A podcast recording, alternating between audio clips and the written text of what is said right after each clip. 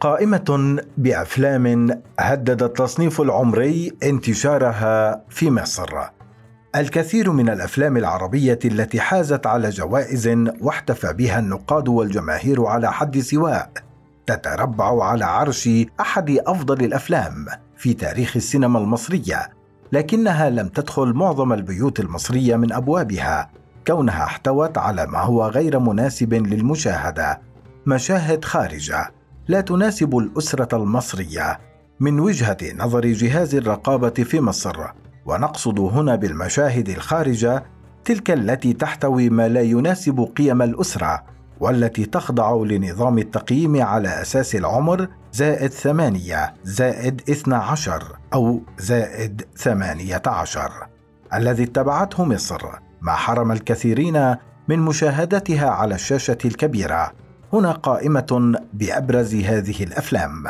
ليل خارجي 2018 نشاهد في فيلم ليل خارجي ليلة قاهرية تكسر عظام أهلها إذ يواصل في هذا الفيلم المخرج أحمد عبد الله مشروعه السينمائي المستقل الذي يحاكي فيه حال الشارع يبدأ شريطه برثاء للسينما والأدب.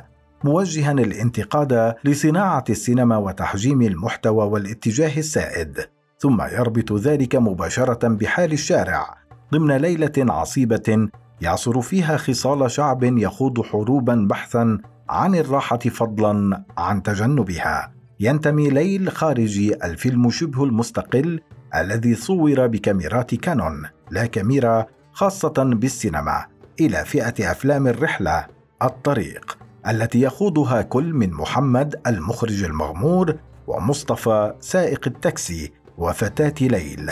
لنرى أنفسنا نتتبع رحلة ممتعة لكن على الرغم من جودة السيناريو يمكن القول إنه غير مكتمل. مع ذلك لا ينفي هذا تميز الفيلم الذي تتدفق فيه الحكاية من وجهة نظر المخرج المغمور بطل الفيلم ومركز الحكاية.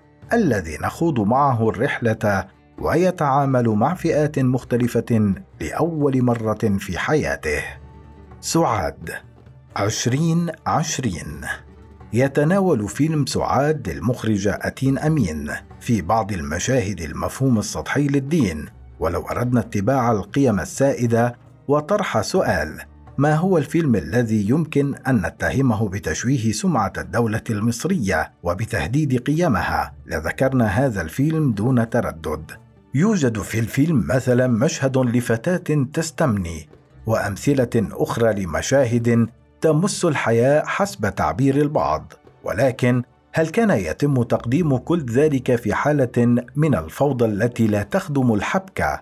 أم يمتلك الفيلم قضية مهمة يناقشها؟ سبب الفيلم الكثير من الجدل إذ لم ينل إعجاب البعض بسبب الحوار وهناك من رآه كفيلم سطحي ذي طابع جنسي من أفلام المهرجانات وهناك من يراه كفيلم واقعي يحوي حساسية عالية.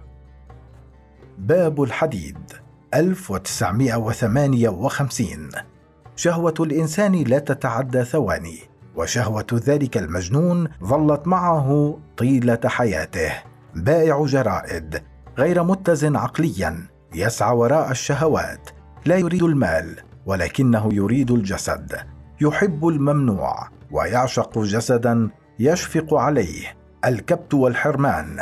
جعلا منه شخصا أعرج. كان يحلم ببيت هادئ وأسرة هادئة لكنه لم ينل شيئا.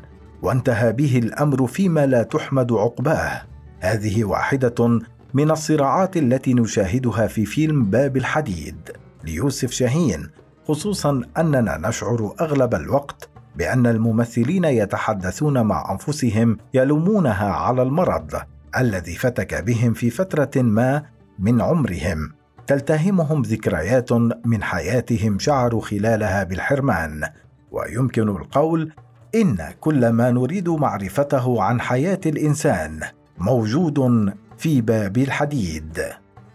الكيت كات 1991 يعتبر فيلم الكيت كات تأليف وإخراج داوود عبد السيد واحدا من أهم الأفلام في السينما المصرية الذي أدى فيه محمود عبد العزيز واحدا من أشد أدواره تعقيدا إذ تقمص شخصية الأعمى بأسلوب يقارب براعة أفضل ممثلي العالم.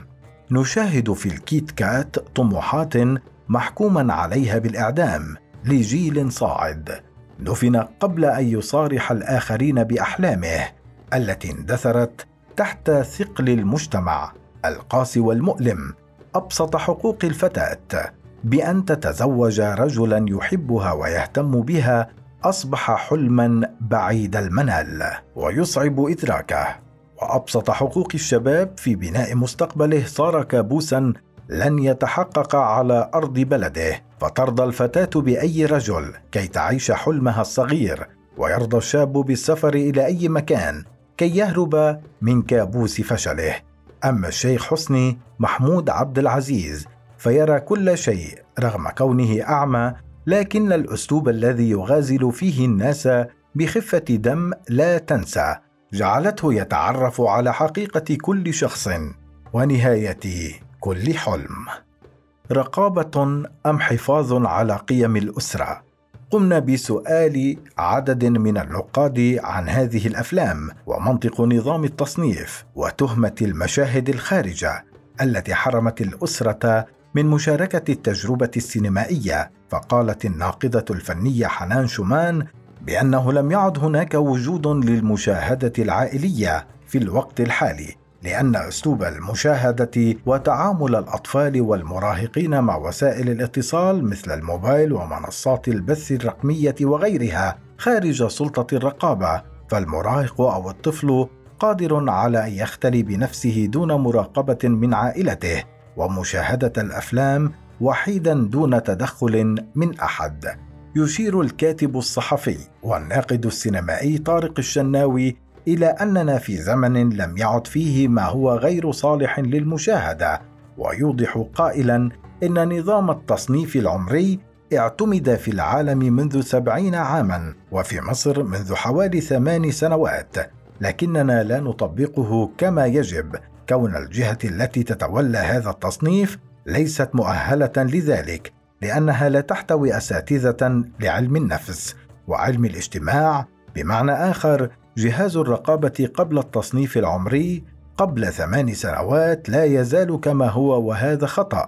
وطالما هناك تصنيف عمري فكل شخص مسؤول عما يشاهده ويجب أن نربي هذه الثقافة عند الأبناء. وعلى الأسرة أن تعمل على ذلك لكن بشكل عام لم يعد هناك وجود لما هو غير صالح للمشاهدة في العالم بأكمله.